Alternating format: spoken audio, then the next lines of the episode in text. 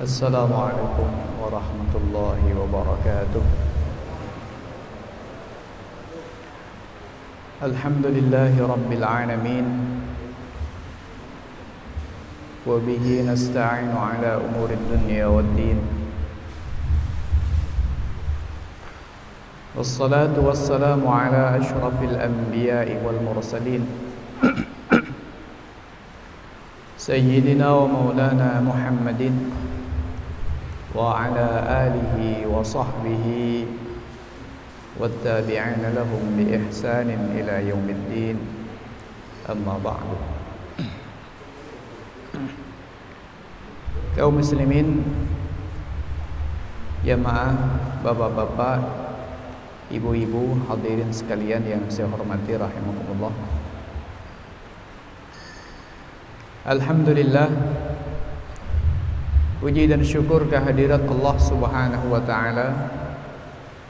Pada malam hari ini kita kembali diperkenankan oleh Allah diberikan kekuatan, diberikan kesehatan dan diberikan kesempatan serta kenikmatan-kenikmatan yang lain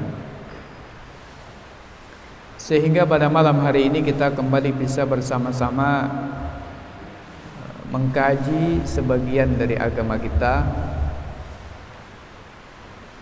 mengkaji fikih Islam yang pada malam hari ini insyaallah kita akan lanjutkan pembahasan tentang fikih madhab syafi'i. Masuk pada pembahasan tentang zakat. Kaum muslimin jamaah bapak ibu yang saya hormati rahimakumullah sebagaimana yang sudah maklum maklum minad din bid darurah. Mana yang merupakan perkara yang telah maklum sebagai bagian dari agama Islam dan diketahui oleh semua lapisan masyarakat muslim. Bahwa zakat ini merupakan sebuah kewajiban satu dari lima rukun di dalam Islam. Karena zakat ini merupakan perkara yang maklum minad din bid darurah, yakni perkara yang jelas maklum sebagai bagian dari Islam dan maklumnya bid darurah artinya semua lapisan masyarakat muslim baik yang awam ataupun yang ngaji, yang santri ataupun yang bukan santri, yang pernah sekolah Islam ataupun tidak pernah sekolah Islam, yang pernah mondok atau tidak pernah mondok, pada prinsipnya setiap orang muslim paham dan tahu bahwa zakat ini merupakan bagian dari syariat Allah Subhanahu wa taala. Ini yang dimaksud dengan ma'lum minad din bid darurah. Nah, karena zakat ini merupakan ma'lum minad din bid darurah, amrun ma'lum minad din bid darurah. Perkara yang ma'lum minad din bid darurah, maka siapa saja yang mengingkari kewajiban zakat secara global. Kewajiban zakat secara global atau secara keseluruhan maka berarti orang ini kafir karena telah mengingkari perkara yang qat'i, perkara yang tegas, jelas, maklum minaddin bid darurah bagian dari Islam. Atau mengingkari beberapa jenis zakat yang juga sudah maklum dalam Al-Qur'an ataupun sunnah Nabi Muhammad wasallam. Misalnya perkara zakat yang maklum dan merupakan perkara yang qat'i, perkara yang sudah pasti di dalam Quran dan Sunnah, tidak lagi ada perbedaan di kalangan fuqaha adalah misalnya zakatul an'am, zakat ternak dalam kaitannya zakatul ghanam, zakatnya kambing, zakatul bakar, zakatnya sapi dan kemudian zakatnya unta. Termasuk juga adalah zakat fitrah dan juga zakat az-zahab wal fiddah zakatnya emas dan perak Ini merupakan jenis-jenis zakat yang perkaranya tidak lagi diperselisihkan oleh para ulama. Sehingga siapa saja yang mengingkari kewajiban zakat-zakat jenis ini, maka dia juga termasuk orang yang keluar dari Islam alias murtad atau kafir. Sedangkan orang yang mengingkari kewajibannya beberapa jenis zakat yang diperselisihkan oleh para ulama, misalnya tentang zakatut tijarah, zakat dagangan, zakatut tijarah, zakat dagangan, zakat perniagaan, maka orang ini tidak kafir. Tetapi ketika telah bukti, ketika telah datang bagi dia dalil-dalil akan kewajiban zakat tijarah dia masih menolak maka dia tentunya berdosa. Kenapa seperti itu? Karena zakat tijarah zakat dagangan ini memang wajib menurut mayoritas ulama menurut jumhur ulama menurut empat madhab hukumnya wajib. Tetapi ada sebagian ulama yang tidak mewajibkan zakat tijarah zakat perdagangan Misalnya dalam hal ini madhab Imam Dawud Al-Zahiri. Kemudian diikuti oleh Imam Ibnu Hazm. Kemudian diikuti oleh Imam Ash-Shawkani Dalam beberapa kitab beliau Seperti Ad-Durarul Mudi'ah Imam Ash-Shawkani menegaskan bahwa zakatut tijarah ini tidak wajib. Dengan alasan Al-Bara'ah Al-Asliyah Artinya hukum asal di dalam harta ini tidak ada kewajiban apa pun kecuali ada dalil-dalil ada nas-nas di dalam Al-Qur'an ataupun di dalam sunnah Nabi Muhammad sallallahu alaihi wa alihi wasallam. Sementara zakatut tijarah menurut Imam Ibnu Hazm menurut Imam Asy-Syaukani tidak ada nas Quran tidak ada nas hadis yang tegas mewajibkan untuk zakatut tijarah. Tetapi hampir seluruh ulama dari kalangan empat madhab madhab Abu Hanifah, madhab Hanafi madhab Maliki madhab Syafi'i dan madhab Hambali serta madhab-madhab yang lain selain yang tadi saya sebutkan. Pada umumnya mereka mengatakan bahwa zakatut tijarah zakat perniagaan atau zakat perdagangan ini merupakan amrun mafrud amrun wajib perkara yang diwajibkan. Ini seperti dimatikan kipasnya oh kipas biar enggak Kaum muslimin jamaah Bapak Ibu yang saya hormati rahimakumullah. Anginnya mengganggu. Misalnya contoh yang lain perkara yang diperselisihkan oleh para ulama berkaitan dengan masalah zakat. Zakatu malis sobi, zakatu malil majnun. Zakatnya hartanya anak kecil yang belum balik dan hartanya orang yang gila. Jadi misalnya ada seorang anak-anak belum balik belum mencapai usia 15 tahun misalnya ditinggal mati oleh kedua orang tuanya atau ditinggal mati oleh ayahnya katakan begitu. Kebetulan ayahnya ini kaya maka jika anak laki-laki maka tentunya bisa mendapatkan bagian yang besar asobah. Kalau anak perempuan kalau dia sendirian bisa mendapatkan separuh. Kalau dia berbilang bisa mendapatkan dua per tiga Nah, jadi artinya jumlahnya besar terkait dengan warisan anak ini. Nah, misalnya dia ditinggalkan mati oleh ayahnya, lalu dia mendapatkan warisan yang cukup besar, maka apakah dia wajib mengeluarkan zakat hartanya? Dalam hal ini yang mengeluarkan adalah walinya, walinya atau wasinya. Maka para ulama berselisih pendapat. Mayoritas ulama mengatakan anak kecil yang punya harta yang telah memenuhi persyaratan-persyaratannya nanti akan kita jelaskan maka dia hartanya wajib zakat. Sementara menurut madhab Imam Abu Hanifah anak kecil tidak wajib dizakati hartanya. Maknanya walinya tidak wajib mengeluarkan zakat dari harta tersebut meskipun harta tersebut misalnya sudah mencapai satu nisab dan sudah berjalan berlangsung selama satu tahun Nah, kaum muslimin jamaah Bapak Ibu yang saya hormati rahimakumullah. Jadi kesimpulannya berkaitan dengan zakat sebagai sebuah syariat secara global, mujmal, ijmal, jumlatan, secara global. Zakat ini adalah syariat Allah Subhanahu wa taala yang ditegaskan oleh Quran, ditegaskan oleh sunnah Nabi Shallallahu Alaihi Wasallam, diijmai oleh sahabat, diijmai oleh seluruh ulama. Maka siapa saja yang mengingkari kewajiban zakat secara global, maka dia keluar dari Islam, alias murtad atau kafir.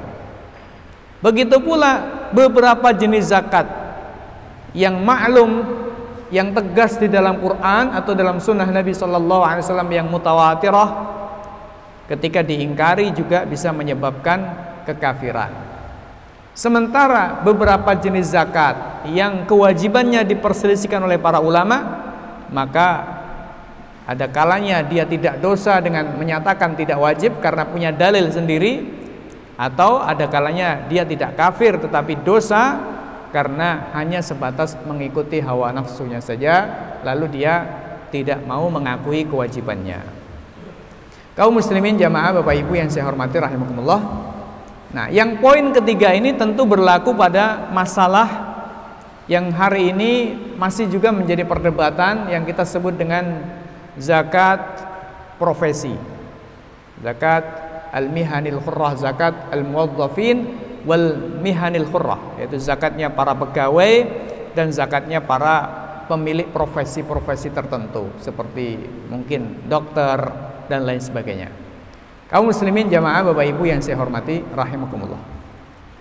Nah, lalu bagaimana fikih zakat berkaitan dengan apa namanya pembahasan-pembahasannya harta apa yang wajib dizakati, syarat-syaratnya, menurut madhab syafi'i inilah yang akan kita kaji pada malam hari ini kaum muslimin jamaah bapak ibu yang saya hormati rahimakumullah untuk yang pertama perlu kita fahami bersama terkait dengan makna zakat dari segi bahasa ataupun dari pengertian istilah syariatnya atau istilah syaraknya zakat dalam pengertian bahasa kata zakat itu sendiri memiliki beberapa makna. Yang pertama zakat bermakna an-nama, yaitu maknanya bertambah. Jadi ketika dikatakan zakat zar'u maknanya idza nama. Tanaman itu zaka, maknanya tanaman itu tumbuh. Jadi secara bahasa yang pertama az-zakah bimakna an-nama, maknanya tumbuh. Kemudian yang kedua, zakat bermakna at-tadhir. Bermakna menyucikan. Dalam Quran misalnya dikatakan qad aflaha man zakkaha. Sungguh telah beruntung orang yang man zakkaha, orang yang membersihkan jiwanya. Huwallazi huwallazi ba'asa fil ummiyina rasula. Lalu di dalam ayat itu Allah katakan wa yuzakkikum atau wa yuzakkihim wa yuallimuhumul kitab wa yuzakkihim maknanya membersihkan mereka membersihkan kaum muslimin membersihkan umatnya yang beriman kepada Nabi sallallahu alaihi wasallam yang ketiga ada makna zakat itu al barokah maknanya berkah al barokah Ketika dikatakan zakat an-nafaqatu, zakatin nafaqah, maknanya idza burikat fiha. Ketika nafkah itu diberkahi. Zakat al-mal, maknanya ketika harta itu berkah. Dan yang keempat, makna dari zakat adalah al-madhu, maknanya dipuji-puji. Quran mengatakan fala tuzakku anfusakum, maknanya fala tamdahuha. Fala tuzakku anfusakum, maknanya jangan puji-puji diri kalian sendiri. Kaum muslimin jamaah Bapak Ibu yang saya hormati rahimahullah. Nah, kenapa kemudian zakat disebut dengan zakat yang secara pengertian bahasa ada empat tadi? Karena memang zakat ini menaikkan atau menumbuhkan berkahnya harta. Dengan zakat mendapatkan keberkahan di dalam harta. Kenapa kemudian disebut pula dengan barokah? karena dengan zakat akan mendapatkan doa barokah dari orang yang mengambil zakat. Kenapa disebut dengan pujian? Karena dengan zakat pula orang ini dinyatakan dipuji oleh Allah Subhanahu wa taala. Pelakunya disebut dengan musaddiq, orang yang menzakatkan hartanya. Dalam Islam zakat disebut dengan sedekah. Innamas shadaqatu lil fuqara. Kata sedekah biasa juga digunakan untuk menyebut zakat. Sementara makna sodakoh dari kata sidq maknanya jujur artinya yadullu ala sidqi sahibihi. Menunjukkan atas kejujuran pelakunya. Dalam hal apa?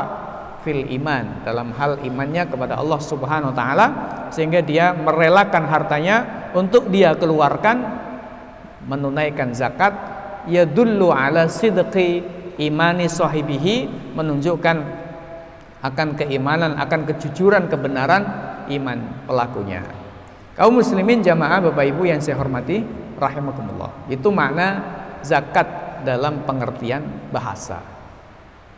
Sementara dalam pengertian istilah dalam hal ini madhab syafi'i mendefinisikan ismun limalin yukhraju an malin au an badanin ala wajhin makhsusin yusrafu li ta'ifatin makhsusatin. Zakat itu sebutan untuk sejumlah harta. Limalin aili qadrin ma'lumin minal mal. Jadi sebutan untuk sejumlah harta yukhraju an malin yang dikeluarkan dari beberapa jenis harta au badanin atau dikeluarkan dari badan dari tubuh kita dari fisik kita ala wajhin maksusin dengan cara-cara tertentu litaifatin atau litawaif maksusah pada golongan-golongan tertentu. Nah, dari definisi ini Bapak Ibu yang saya hormati rahimakumullah bahwa zakat itu adalah merupakan sejumlah harta. Jadi bukan keseluruhan harta, tapi sejumlah harta tertentu yang jumlahnya kalau kemudian kita lihat ada kalanya rubuh hanya ada kalanya rubu'ul usyur alias 2,5 persen. Seperempat dari sepersepuluh atau e, seperempat puluh alias 2,5 persen. Ada kalanya al usyur 10 persen. Ini untuk zakat zuru nanti ketika disirami atau kemudian dihidupi dengan hujan saja. Tidak ada biaya untuk penyiraman. Atau nisful usyur separuh dari sepersepuluh alias lima persen ketika zuru atau tanaman itu dibiayai dalam hal apa namanya eh, pengairannya memerlukan biaya.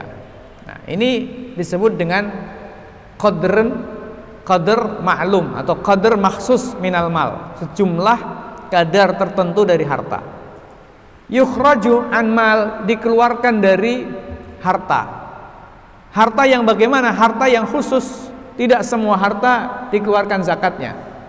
Maka bahasa Quran pun mengatakan khul min amwalihim sadaqatan tutahhiruhum wa tuzakkihim biha wa sholli alaihim. Khudh min amwalihim ambillah min amwalihim mananya ba'dha amwalihim. Jadi min di sini adalah min lit tabaid memberikan pengertian sebagian. Khudh min amwalihim ambillah sebagian harta mereka. Yang diambil tidak keseluruhan, yang diambil juga bukan dari semua jenis harta, tetapi ada harta-harta tertentu yang Allah Subhanahu wa taala tetapkan untuk diambil zakat. Kaum muslimin jamaah Bapak Ibu yang saya hormati rahimakumullah. Yang kedua, harta itu ada kalanya harta apa zakat itu ada kalanya berupa harta yang dikeluarkan min atau an badan ya, yang dikeluarkan an badanin yang dikeluarkan dari tubuh. Maknanya dikeluarkan dari tubuh dikeluarkan sebagai zakatnya tubuh kita sebagai zakatnya nyawa kita sebagai zakatnya diri kita. Disebut dengan zakatun nafsi zakat jiwa kita. Yang tidak lain adalah zakat fitrah. Dengan definisi ini kita bisa memahami bahwa zakat ini ada dua berarti yang kita sebut dengan zakatun nafsi zakatnya jiwa dan ini adalah zakat fitrah yang kurang lebih dua bulan setengah lagi kita akan melakukannya. Yang kedua adalah zakatul mal, zakat harta. Tentunya kita melakukan zakat harta tidak ada kaitan dengan Idul Fitri, tetapi kaitannya adalah dengan sejak kapan kita memiliki kekayaan dan sudah memenuhi persyaratan atau tidak dari jenis apa kekayaan kita sehingga kita mengeluarkan zakat harta.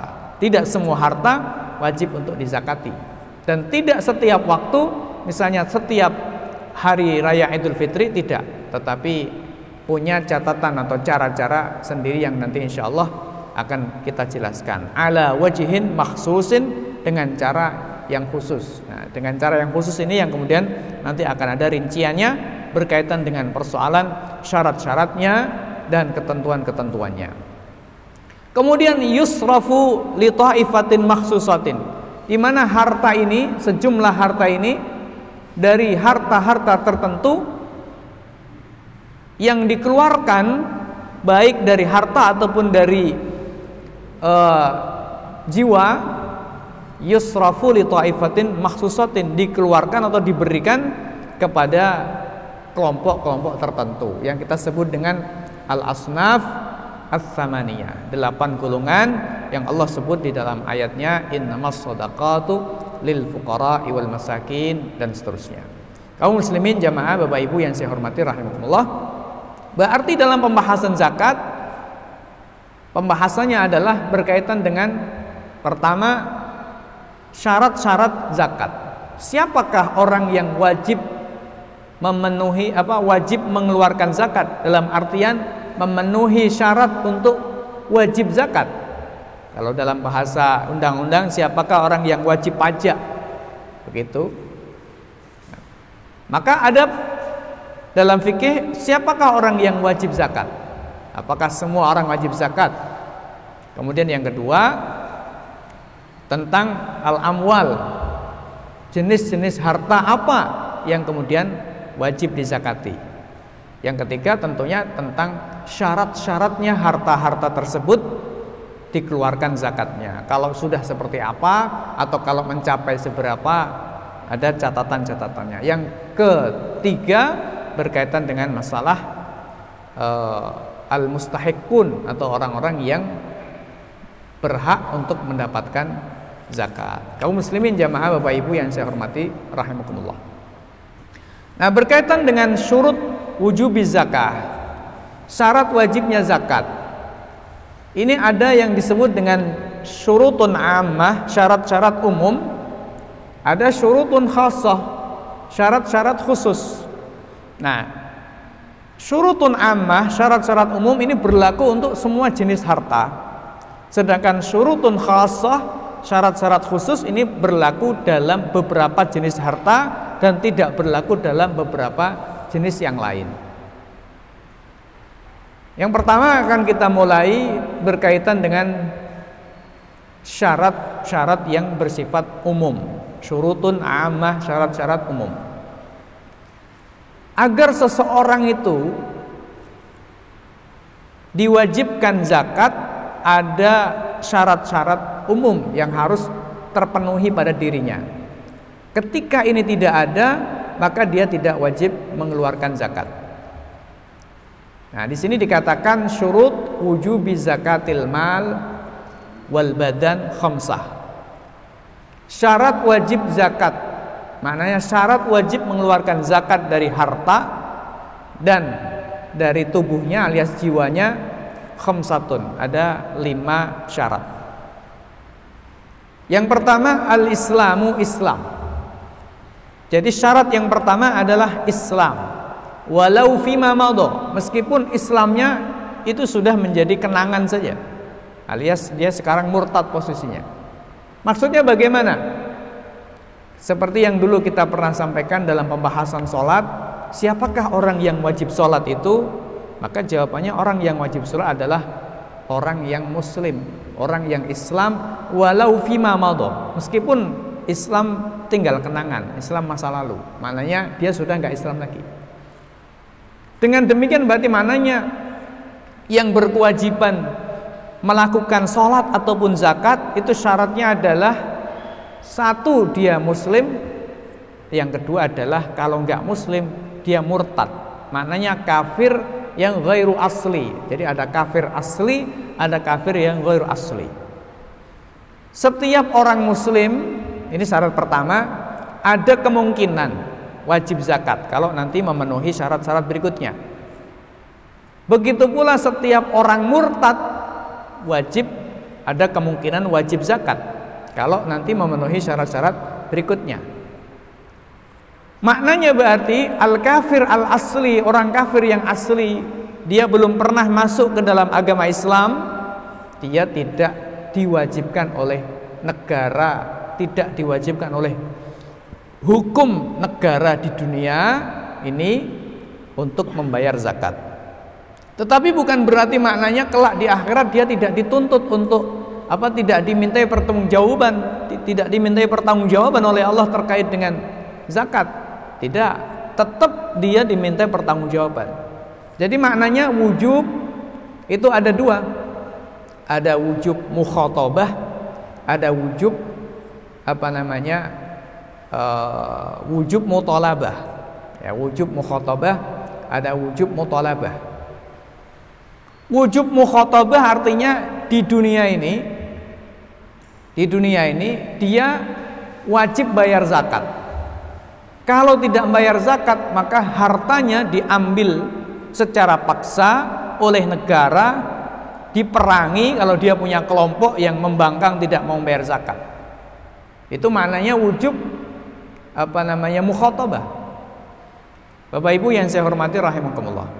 Jadi berarti maknanya seorang muslim yang telah memenuhi syarat-syaratnya zakat lalu dia tidak zakat maka hartanya sebagian sesuai dengan kadar zakat diambil secara paksa oleh negara. Tentu kalau kita bicara tentang negara seperti ini tentu sulit kita bayangkan negara demokrasi. Sebab kalau negara demokrasi tentunya ini bertentangan dengan asas prinsip dasar demokrasi itu kebebasan. Begitu mestinya. Kalau kemudian zakat diwajibkan oleh negara demokrasi, ya biasanya ada kepentingan-kepentingan tertentu. Kaum muslimin jamaah Bapak Ibu yang saya hormati rahimahullah. Ini seperti yang dulu dilakukan oleh Sayyidina Abu Bakar radhiyallahu an ketika Rasulullah Shallallahu alaihi wasallam wafat.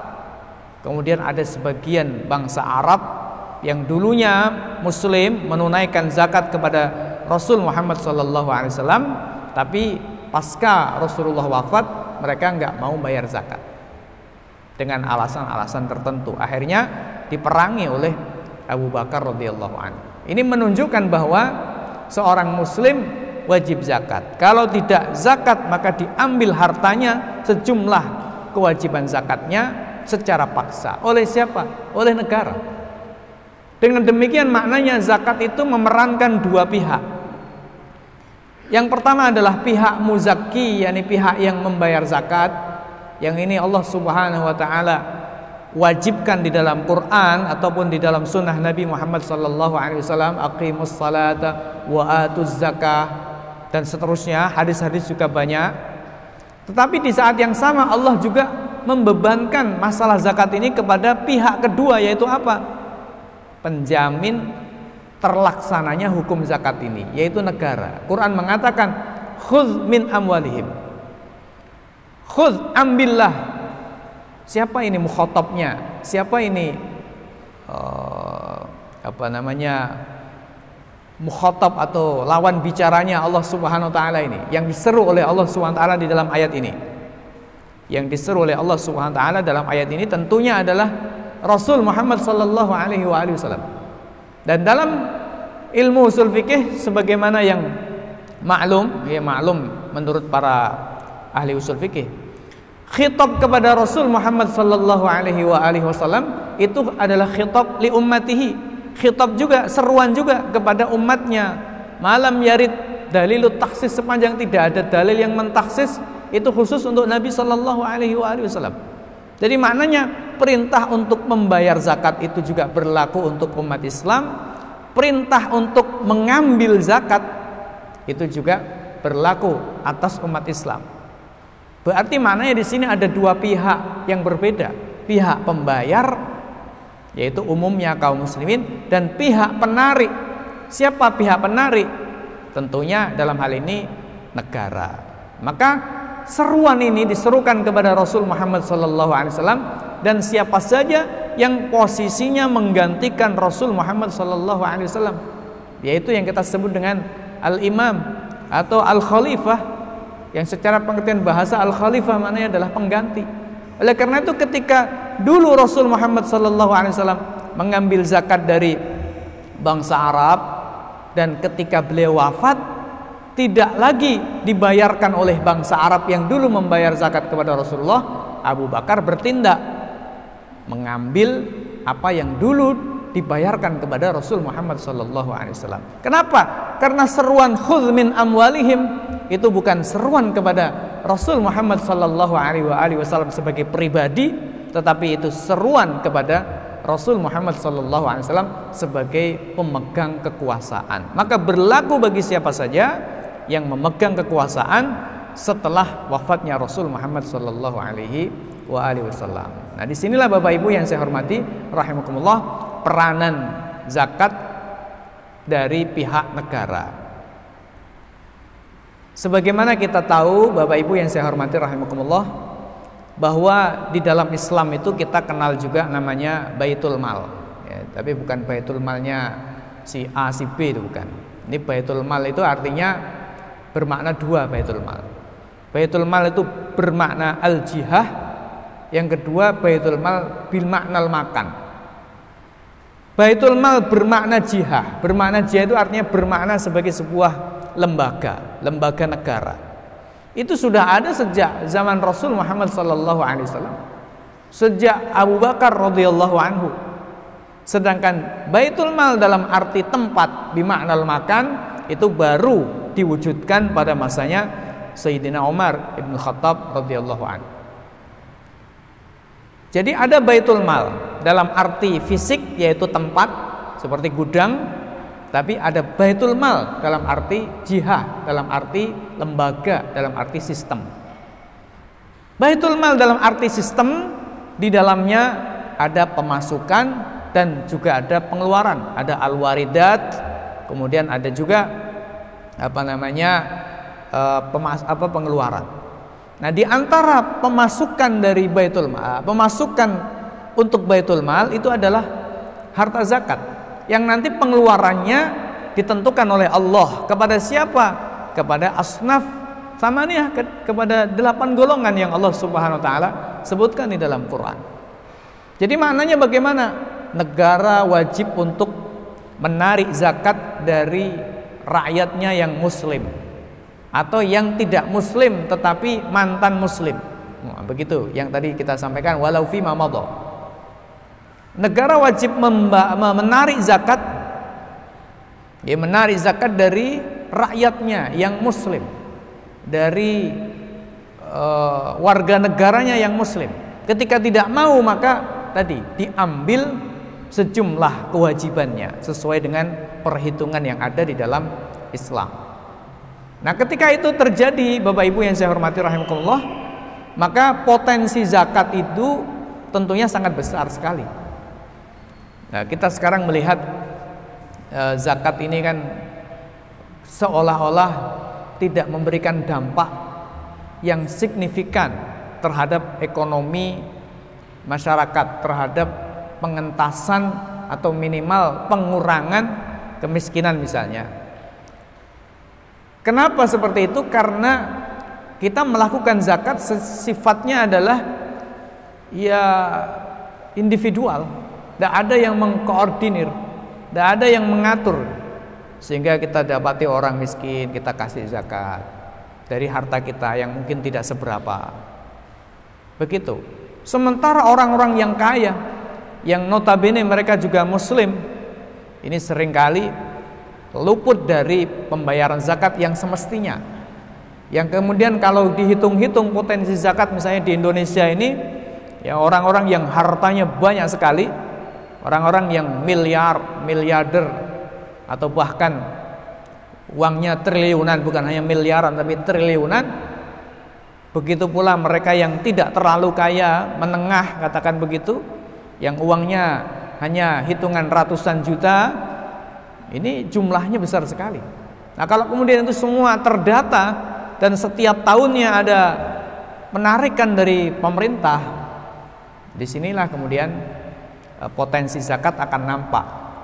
Nah, oleh karena itu kalau kita bicara tentang ini, lalu nanti kemudian kita kaitkan dengan cara memberikan zakat oleh negara itu seperti apa? Misalnya begini. Para ulama memberikan penjelasan seperti Imam Al-Ghazali dan lain sebagainya memberikan penjelasan orang fakir, orang miskin itu diberi zakat berapa? Begitu.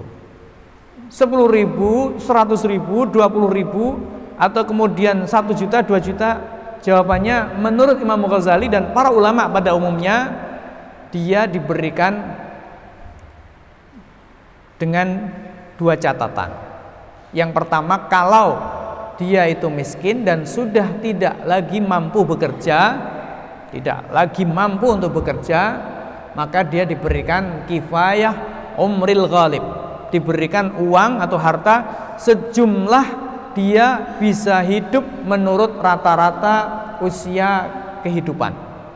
Jadi mana ya kalau panjenengan kalau misalnya ada orang itu ya, orang miskin dan nggak bisa bekerja, usianya sudah cukup tua atau belum terlalu tua tetapi karena sakit-sakitan dan tidak ada yang apa namanya dia tidak punya harta, maka dia berhak mendapatkan zakat dari negara. Tentunya zakat diambil dari kaum muslimin. Berapa itu yang diberikan? Kifayatu umril ghalib. Kecukupan untuk um, untuk hidup menurut normal. Jadi kalau misalnya usianya baru 50 tahun, misalnya begitu, tapi dia posisinya lumpuh, miskin, nggak punya harta, lumpuh, maka oleh negara diberikan kecukupan kurang lebih hidup selama 10 tahun. Karena rata-rata manusia 60 tahun. Maka 10 tahun itu kehidupannya dijamin. Ini nggak ada kalau nggak ada, ini nggak bisa kalau nggak ada negara yang mengkoordinir. Jadi memberi zakat itu dalam bahasa saya bukan icrat icrit 100 ribu, 200 ribu, habis itu nggak menyelesaikan masalah. Kira-kira begitu. Ini tidak mungkin terjadi kalau tidak ada negara. Salah satu kitab yang bagus yang menggambarkan tentang zakat ya, secara terorganisir secara apa namanya sistemik begitu itu adalah kitabnya Dr. Yusuf Al Qardawi namanya Fiqhuz Zakah ya, kitab Fiqhuz Zakah nah, di situ beliau menitik beratkan bahwa peranan negara harus ada nah kalau ada peranan negara maka potensi zakat di Indonesia ini karena mayoritas muslim maka tentunya saya yakin besar Ya, saya yakin ya meskipun saya tidak tahu karena tidak pernah melakukan penelitian, tetapi saya yakin potensinya besar sekali. Kaum muslimin jamaah, Bapak Ibu yang saya hormati rahimakumullah. Jadi kesimpulannya zakat ini butuh adanya pemimpin untuk memastikan dan menertibkan pelaksanaan zakat. Kaum muslimin yang sudah memenuhi persyaratan-persyaratannya wajib membayar zakat. Kalau tidak membayar zakat, maka di apa ya? diambil hartanya secara paksa oleh negara.